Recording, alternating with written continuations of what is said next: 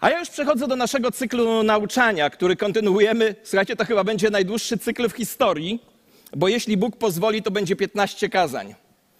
Teoretycy kaznodziejstwa mówią 8 i więcej nie. A dzisiaj jest dziewiąte. Już przekroczyłem granicę przyzwoitości kaznodziejskiej, ale mam wrażenie, mam nadzieję, że to jest dla Was interesujące, bo dzisiaj też w ramach cyklu Nieustraszone życie w burzliwych czasach docieramy do przedziwnego ósmego rozdziału Księgi Daniela. Czytając ten rozdział bardzo pobieżnie, można mieć pokusę szybkiego i mało refleksyjnego przejścia przez jego treść. Dlaczego? A to dlatego, że opowiada on o wizji, która spełniła się dwa tysiące lat temu. Ponad dwa tysiące lat temu. Opisuje fakty z historii, o której wprawdzie wiemy niewiele, bo mówi o sześcioletnich prześladowaniach Żydów pomiędzy 171 a 165 rokiem przed naszą erą. I pewnie większość z nas, albo duża część z nas, nie słyszała i nie zna takiego króla, który nazywał się Epifanes, y, Antioch IV Epifanes. Dzisiaj będzie dużo historii ale mam nadzieję, że będzie to interesujące, bo wraz z tą historią będzie wiele duchowych lekcji do naszego codziennego życia. Bo jednak, gdy odkryjemy w postaci tego króla Antiocha IV Epifanesa pierwowzór antychrysta, czasów końca, to okazuje się, że ta historia z rozdziału ósmego może okazać się dla nas niesamowicie ważna i pouczająca, a lekcje z niej płynące godne zastanowienia i zastosowania. Dlatego dzisiejszy odcinek zatytułowałem Antychryst w akcji. Ciągle powtarzam też to, że żyjemy w czasach duchowego zamieszania. Stare ruchy religijne odżywają, powstają nowe prądy duchowe. Hasła typu nieważne w co wierzysz, bylebyś był w tym szczery. Ja zawsze, jak ktoś mówi mi, nieważne w co wierzysz, bylebyś w tym szczery, to sobie zawsze przypominam te kulty, które preferują zabijanie innego człowieka. Nieważne w co wierzysz, byś, byś był szczery w zabijaniu innego człowieka na przykład. Rozumiecie, co mam na myśli?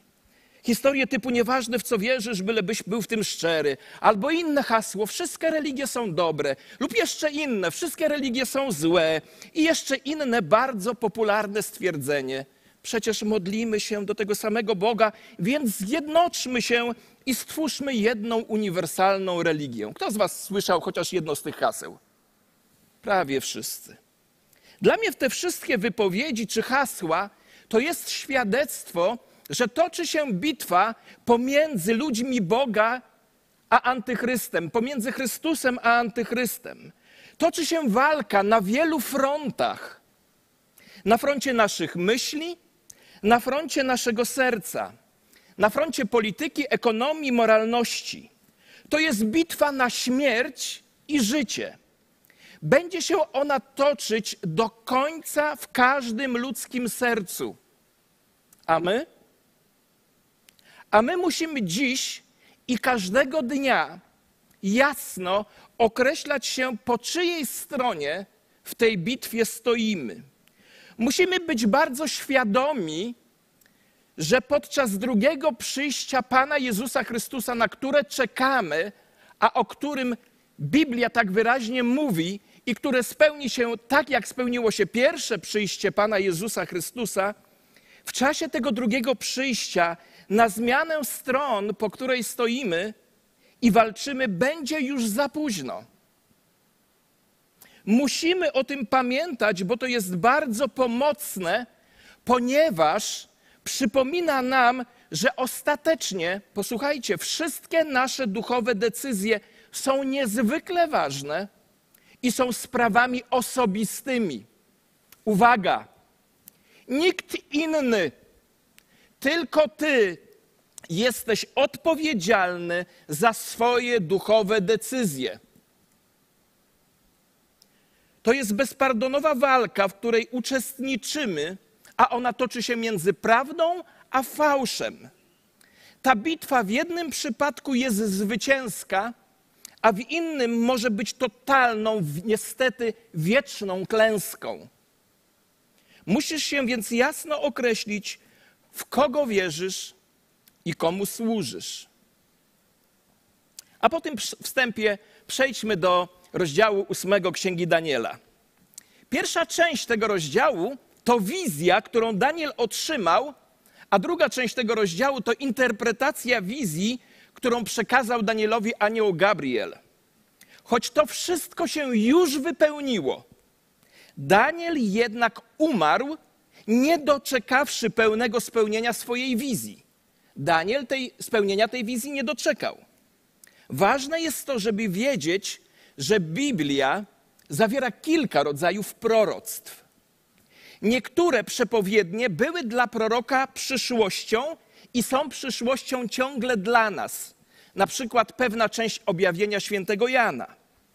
Niektóre przepowiednie, proroctwa dla proroka były przyszłością, ale dla nas już są kwestią przeszłości, jak chociażby ósmy rozdział Księgi Daniela, który świadczy o tym, że Bóg naprawdę istnieje i jest prawdziwym Bogiem i przepowiada rzeczy przyszłe.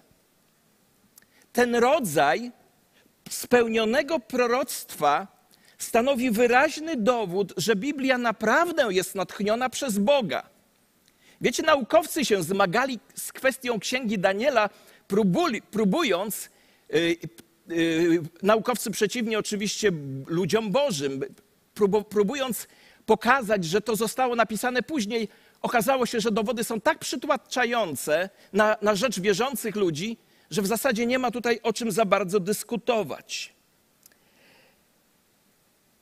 A teraz posłuchajcie skróconej wersji Księgi Daniela, ósmy rozdział, w, moim skróconym, w mojej skróconej wersji. Podczas wizji Daniel zobaczył barana z dwoma rogami. Baran został zaatakowany i pokonany przez kozła z jednym dużym rogiem. Ten jedyny duży róg, róg kozła został złamany i na jego miejsce wyrosły cztery inne rogi. A z jednego z tych rogów wyrósł jeden mały róg. I ten mały róg stał się wielki i podbił Izrael, prześladował Żydów, zbezcześcił świątynię prawdziwego Boga i bluźnił prawdziwemu Bogu. Anioł Gabriel powiedział Danielowi, że baran reprezentuje imperium medoperskie, a kozioł reprezentuje imperium greckie. Wielki Róg był pierwszym władcą greckiego imperium, którego znamy jako Aleksandra Wielkiego. Zmarł on w wieku 33 lat, a jego rozległe królestwo zostało podzielone pomiędzy jego dowódców, tak zwanych didachów, czyli następców. Ze, ze świeckiej historii wiemy, kim byli ci dowódcy. Czterech z nich, po złamaniu jednego rogu, czterech z nich odegrało szczególną rolę, główną. Kasander, Macedonia i Grecja. Lizymach, Tracja i zachodnia Azja Mniejsza. Ptolemeusz, Egipt, północna Afryka, Palestyna, a Selukos, Bliski Wschód aż do Indii. Anioł powiedział Danielowi, że to widzenie spełni się w czasie ostatecznym i będzie to czas gniewu. A później anioł Gabriel opisał dość szczegółowo bluźniercze działanie małego rogu. I posłuchajcie, co mówi Boże Słowo. A pod koniec ich panowania, gdy przestępcy dopełnią swojej miary, powstanie król o srogim obliczu i podstępny – jego moc będzie potężna, i tu zwróćcie uwagę, lecz nie dzięki własnej sile. Będzie niszczył w sposób zadziwiający i szczęśliwie mu się powiedzie w działaniu, bo zniszczy mocarzy i lud święty. A dzięki jego pomyślności poszczęści mu się podstęp w jego ręku. Będzie się wynosił w swoim sercu i w czasie pokoju zniszczy wielu Ponadto powstanie przeciwko księciu książąt, lecz bez udziału ręki ludzkiej zostanie skruszony. Następnie powiedział anioł Danielowi, aby zapieczętował tę wizję, ponieważ dotyczy ona dalekiej przyszłości. A ostatni werset z księgi Daniela, ósmego rozdziału, mówi tak: Wtedy ja, Daniel, zemdlałem i chorowałem przez kilka dni. Potem wstałem i załatwiłem sprawy króla. Zdumiewałem się nad tym widzeniem, ale nikt go nie zrozumiał. Głównym przedmiotem tego proroctwa jest zła działalność małego rogu, który wychodzi z jednego z czterech rogów, który zastępują duży róg kudłatej kozy. Ten mały róg z księgi Daniela, rozdziału ósmego, jest inny od tego małego rogu, o którym mówiliśmy tydzień temu z siódmego rozdziału księgi Daniela, ale mają dużo cech wspólnych. Ten z siódmego rozdziału wyrósł z Imperium Rzymskiego, czyli z późniejszego i reprezentuje antychrysta, który jeszcze nadejdzie. A ten z rozdziału ósmego wyrósł z Imperium Greckiego, czyli wcześniejszego, i jak już mówiłem, jest obrazem, jest pierwowzorem, zapowiedzią tego antychrysta z rozdziału siódmego, który pojawi się w historii ludzkości. Może to zabrzmi tajemniczo, ale z historii wiemy, kim był ten mały róg z tej księgi Daniela z ósmego rozdziału. To człowiek, o którym już wspominałem. To Antioch IV Epifanes. Pochodził z linii Seleukosa, co znaczy, że jego królestwo było skoncentrowane na obszarze współczesnej Syrii. Panował nad dynastią Selucydów i pamięta się go głównie z powodu prześladowania Żydów, jakie miało miejsce pomiędzy 171 a 165 rokiem przed naszą erą. I szczegółowa historia jego okrucieństwa jest opisana w pierwszej księdze machabejskiej. I z tej księgi dowiadujemy się, że miał zaciekłą i nieprzejednaną nienawiść do wszystkich rzeczy żydowskich do rzeczy Bożego ludu. I zobaczcie, co zaczął robić. Posłuchajcie, bo to jest lekcja dla nas, ponieważ on jest pierwowzorem antychrysta czasów ostatecznych. Po pierwsze, zaczął od próby zasymilowania z Żydów z kulturą grecką. Co zrobił? Zbudował pod Jerozolimą ośrodek sportowy, gdzie młodzi żydowscy mężczyźni brali udział w greckich zawodach sportowych. A że, a że zawodnicy startowali nago, sprzyjało to moralnemu rozpadowi tradycyjnych wartości hebrajskich. On w ten sposób uderzył, posłuchajcie uważnie, w cztery światowe porządliwości, w które diabeł uderzył w Adama i Ewę w ogrodzie Eden, w które uderzał w Jezusa, gdy go kusił na pustyni i z którymi przychodzi do nas. A mianowicie uderzył w cztery światowe rzeczy. Cztery porządliwości światowe, które walczą przeciwko nam: porządliwość ciała, porządliwość oczu i pycha żywota, o których pisze apostoł Jakub. Wielu Żydów było gotowych na różnego rodzaju kompromisy, ponieważ pociągała ich kultura grecka. Chcieli być Grekami na zewnątrz, i Żydami wewnątrz. Inaczej mówiąc, chcieli przychodzić do świątyni, wznosić ręce i śpiewać piękne pieśni w pięknych szatach tradycyjnych, a potem na zewnątrz żyć po pogańsku. Jednak większość Żydów nie porzuciła swojej wiary. Wówczas Antioch zaatakował Jerozolimę i słuchajcie, historycy podają różne liczby, ale najprawdopodobniej zginęło 40 tysięcy osób, a 10 tysięcy zostało wziętych do niewoli. Antioch potem co robił? Najpierw przez kulturę, a potem systematycznie, posłuchajcie, to jest bardzo ważne dla naszego życia, systematycznie grabił świątynię z jej skarbów, a później w tej świątyni umieścił posąg Zeusa, a jeszcze później ofiarował na ołtarzu obrzydliwość, czyli świnię. I zobaczcie, Historia tegoż Antiocha mówi nam o tym, że wszystko zaczęło się od goryczy w jego sercu, od frustracji spowodowanej klęską podczas próby podboju Egiptu. Ta frustracja przerodziła się w nienawiść w sercu. Nienawiść w sercu znalazła sobie wroga. Najczęściej nienawiść w sercu znajduje sobie wroga w postaci Bożego ludu, ludzi Boga. I przeciwko niemu skierował całą swoją złość. I, ta, i, podjęła to, I podjął więc systematyczny plan działania, mający na celu całkowite zniszczenie i usunięcie wierzących. Zobaczcie, pierwszy krok w tym planie to działanie mające na celu asymilację wierzących z obcą ich niebożą kulturą w celu zniszczenia ich fundamentów moralnych.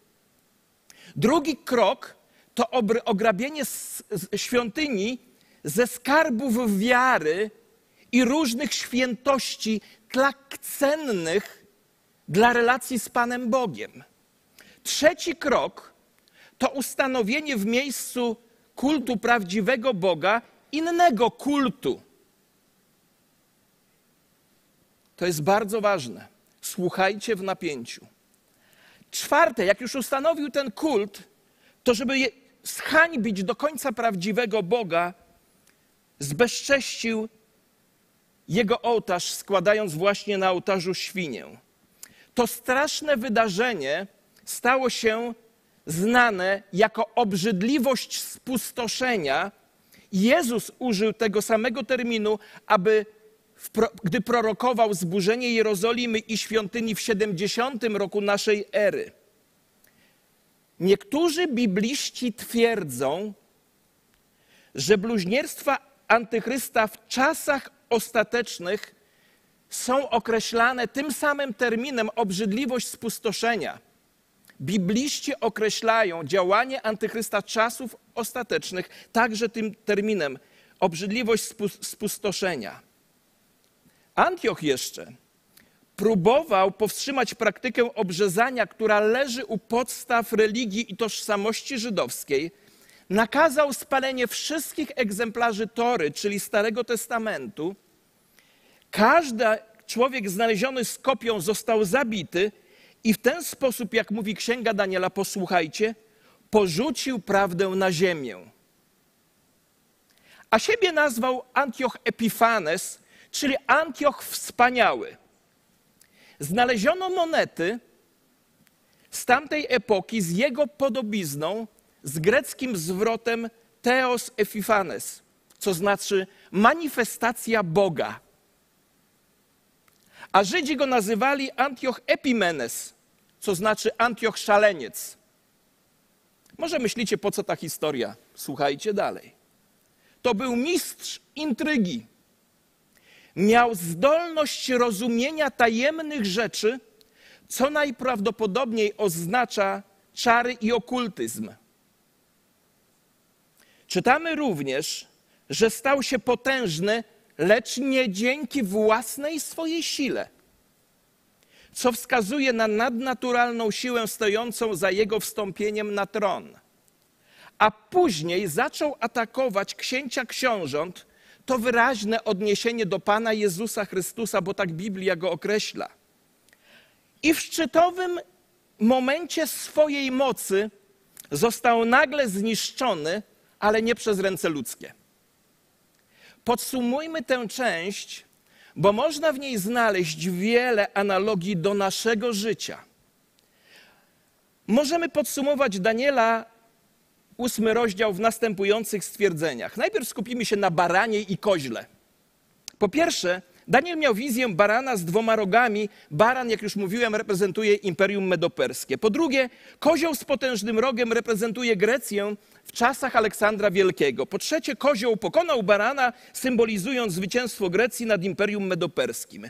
Duży róg został odcięty, reprezentuje nagłą śmierć Aleksandra Wielkiego. Cztery rogi reprezentują cztery podziały greckiego imperium po śmierci Aleksandra. A teraz ten mały róg, posłuchajcie. Po pierwsze, mały róg przedstawia Antiocha Epifanesa, który rządził dynastią Selucydów. Po drugie, był prawdziwą postacią historii, która jest także symbolem nadchodzącego antychrysta. Po trzecie, prześladował Żydów, zbezcześcił świątynię w Jerozolimie i ustanowił siebie Bogiem. Po czwarte, był błyskotliwy, przebiegły i charyzmatyczny. Jego moc była zdumiewająca i nadprzyrodzona. Był mistrzem zwodniczej propagandy i próbował obalić księcia książąt. Został zniszczony przez Boga. Szczegóły jego śmierci są przerażające. Po okrucieństwie w Izraelu udał się na wschód w nadziei na podbój innych ziem. I podczas pobytu w Babilonie otrzymał wiadomość, że Żydzi prowadzeni przez Judę Machabeusza, bohaterskiego Judę Machabeusza, odbili Jerozolimę, wypędzili najeźdźców i rozpoczęli proces oczyszczania świątyni. Kiedy Antioch usłyszał o tym, ruszył z powrotem do Izraela, zamierzając raz na zawsze zniszczyć Żydów. Ale katastrofa Rydwanu spowodowała, że został ciężko ranny. I podczas powrotu w stronę Izraela zachorował na obrzydliwą chorobę jelit, która spowodowała, że straszny smród wydobywał się z jego wnętrza. Jedno ze źródeł mówi, że robaki wychodziły z jego ciała, gdy to ciało gniło, a jego życie zakończyło się nędznie. Umarł nie z ręki człowieka, ale z ręki Boga. Każdego roku w okolicach grudnia Żydzi upamiętniają odzyskanie Jerozolimy i oczyszczenie świątyni przez Judę Machabeusza w czasie znanego nam święta Hanuki. I zgodnie z tradycją, kiedy Żydzi przyszli, żeby oczyścić świątynię i byli gotowi zapalić menorę w świątyni, okazało się, że mają tylko jedną porcję oliwy wystarczającą na jeden dzień. Stał się jednak cud. Ta jedna porcja oliwy starczyła, żeby lampa świeciła przez osiem dni i świątynia została ponownie oczyszczona i ponownie poświęcona, a Antioch zmarł kilka miesięcy później. Istnieje więc bezpośredni związek pomiędzy Hanuką a Daniela ósmym rozdziałem. Antioch Epifanes był antychrystem Starego Testamentu, Hitlerem swoich czasów i obrazem antychrysta czasów ostatecznych.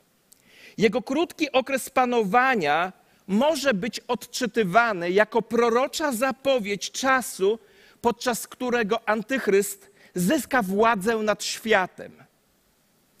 Obrazu antychrysta w postaci Antiocha Epifanesa dopatrywało się na przestrzeni wieków wiele znanych postaci chrześcijańskich. Między innymi święty Heronim, między innymi Marcin Luther. I posłuchajcie tego. W tym przypadku mamy, możemy mieć do czynienia z tak zwanym proroctwem podwójnego wypełnienia się. Pierwsze wypełnienie to w postaci Antiocha jeszcze przed narodzeniem Chrystusa, drugie w postaci w przyszłości tuż przed drugim przyjściem Jezusa, w którym my, czasie my żyjemy.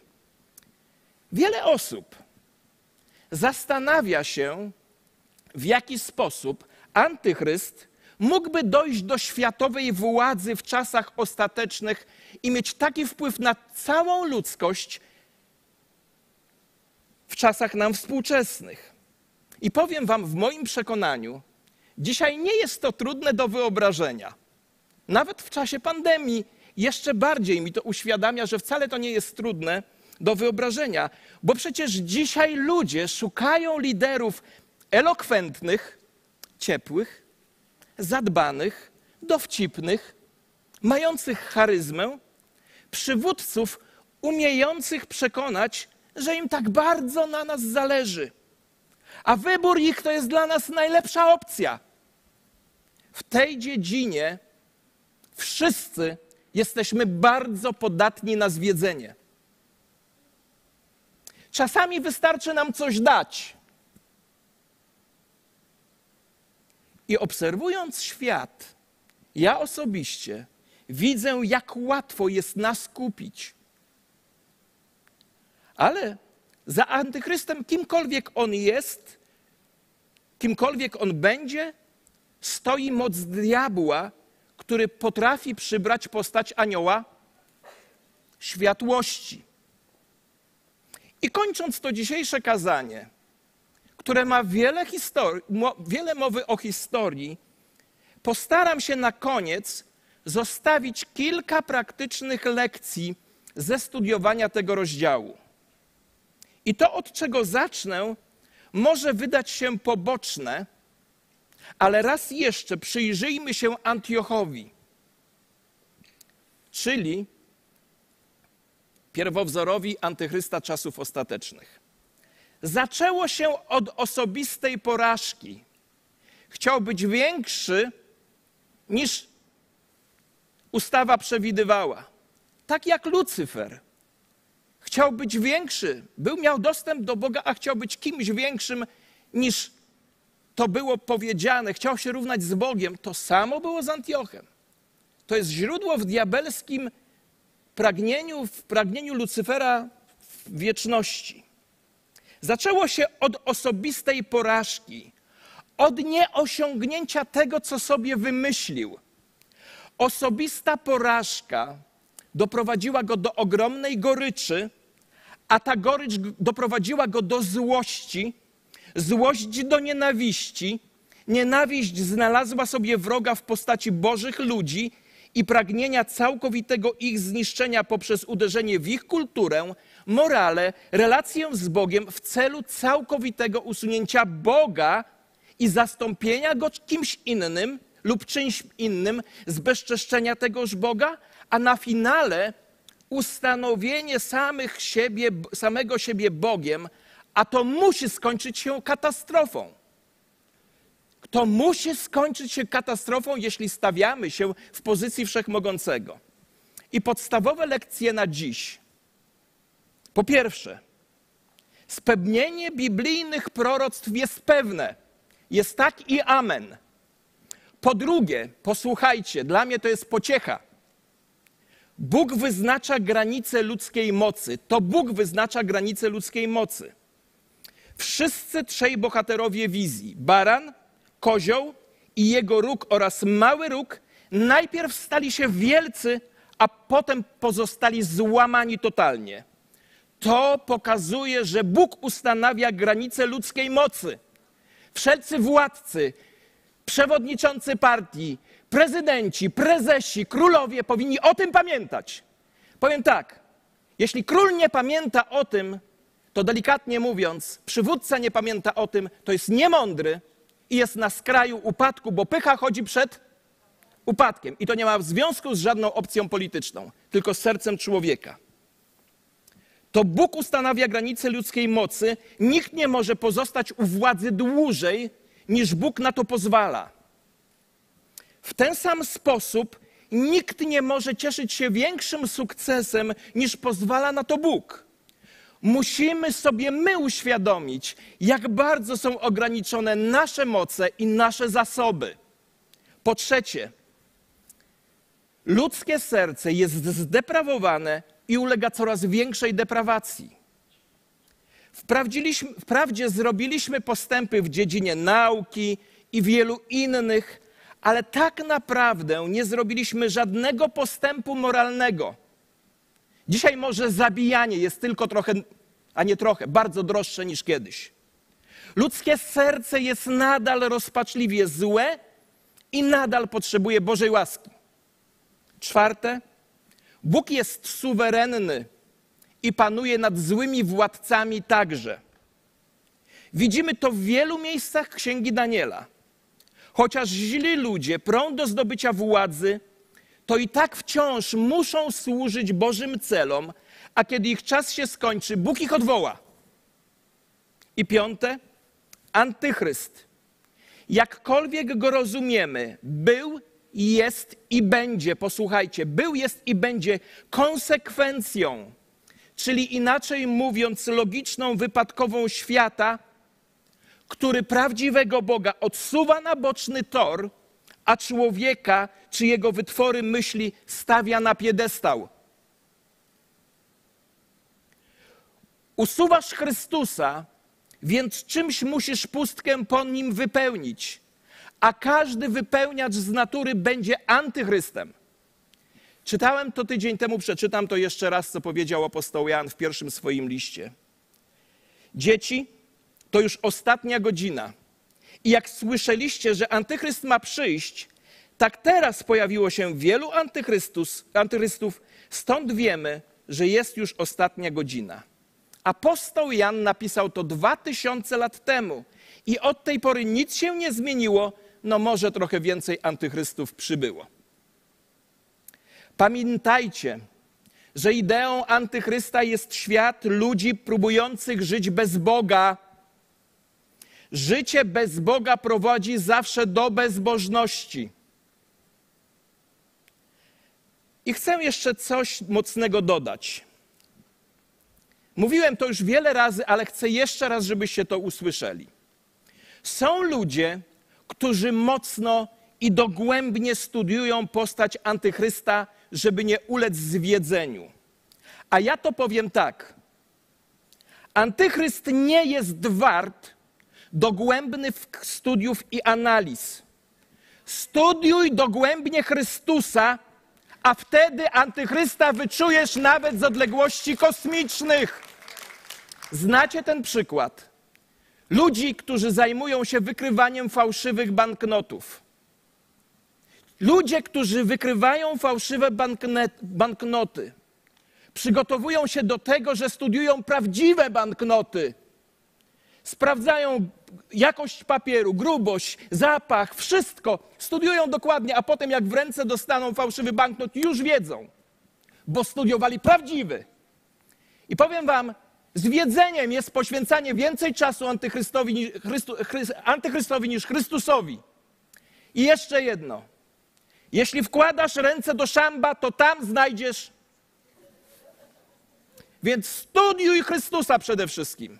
Studiuj Chrystusa, a będziesz mógł rozróżnić, co jest prawdą, a co fałszem. Po szóste, posłuchajcie dobrej nowiny. Ci, którzy znają Chrystusa i są w nim w relacji, nie muszą się niczego bać, bo zwycięstwo, które zwyciężyło świat, to nasza wiara. I oto dobra wiadomość. Jeśli znamy Chrystusa i jesteśmy z Nim złączeni, a On jest ostatecznym zwycięzcą w walce między dobrem a złym, złem, to my jesteśmy także zwycięzcami. Posłuchaj raz jeszcze. Bitwa między ludem Bożym, bitwa między Chrystusem a Antychrystem toczy się przez całe życie w każdym ludzkim sercu, w Twoim i moim. Dlatego każdy z nas musi jasno wiedzieć, po czyjej jest stronie, bo podczas drugiego przyjścia Chrystusa będzie za późno na zmianę. Dlatego musisz odpowiedzieć przede wszystkim sobie na pytanie, gdzie stoisz? Czy jesteś po stronie Jezusa Chrystusa? Jeśli nie wiesz, po czyjej jesteś stronie, to będę z Tobą szczery. Jesteś po złej stronie, bo nikt nie wchodzi do nieba przez przypadek. Każdy z nas musi zadecydować, po której jest stronie. Nie ma też miejsca na neutralność. To jest światło lub ciemność, Bóg lub szatan, Chrystus lub antychryst. Gdzie stoisz? Zajmij dzisiaj stanowisko z Jezusem. Przysięgnij wierność barankowi, który za ciebie umarł. Zbliż się do krzyża Chrystusa, złóż na niego swoje grzechy, a otrzymasz całkowite, absolutne przebaczenie i obietnicę, że nikt z jego ręki ciebie nie wyrwie, a od jego miłości ciebie nikt nie odłączy. Tylko ci, którzy staną przy Chrystusie, będą bezpieczni w nadchodzących dniach. Niech każdy z nas okaże się wdzięczny i wierny Chrystusowi bez względu na koszty. Bo On powiedział, że kto w Niego wierzy, choćby i umarł, będzie żył. A kto żyje i wierzy w Niego, nie umrze na wieki. A Boże Słowo mówi to, co już mówiłem: zwycięstwo, które zwyciężyło świat, to wiara nasza. Pan zastępów jest królem. Oblekł się w dostojność Pan przepasał się swoją cudowną mocą. A jeśli my jesteśmy z Nim, to z naszym Bogiem przeskakujemy każdy mur i pokonujemy każdą przeciwność. Amen. Pochylmy nasze głowy w modlitwie. To jest czas na nasze duchowe decyzje. Kto z nas dzisiaj jest tutaj i jeszcze nie powierzył swojego życia Jezusowi? Chcę się o Ciebie pomodlić, jeśli chcesz dzisiaj powiedzieć, chcę stanąć po stronie Jezusa. Chcę wybrać Jego jako swojego Pana. Daj znać przez podniesienie ręki, chcę się o Ciebie pomodlić. Czy jest ktoś, kto chce powiedzieć, ja dzisiaj wybieram Chrystusa? Czy jest ktoś z nas, podnieś rękę do góry, nie wstydź się. Nie ma czego się wstydzić. Dziękuję bardzo. Czy jeszcze ktoś chce powiedzieć Jezusowi tak? Dziękuję bardzo. Panie Jezu, dziękujemy Tobie dzisiaj za te osoby, które stają po Twojej stronie. Dokonują wyboru, by być po stronie zwycięzcy. Tego, który pokonał śmierć, szatana, piekło i wszystko, co było przeciwne Boże, Bo, Bogu i Bożemu ludowi. A nas wszystkich, Boże, którzy zaufaliśmy Tobie już dawno, utwierdzaj w wierze i miłości. Dodawaj nam sił w decyzjach naszych, a Tobie jedynemu niech będzie cześć, chwała i uwielbienie. Amen. Powstańmy, proszę, i oddajmy Mu chwałę.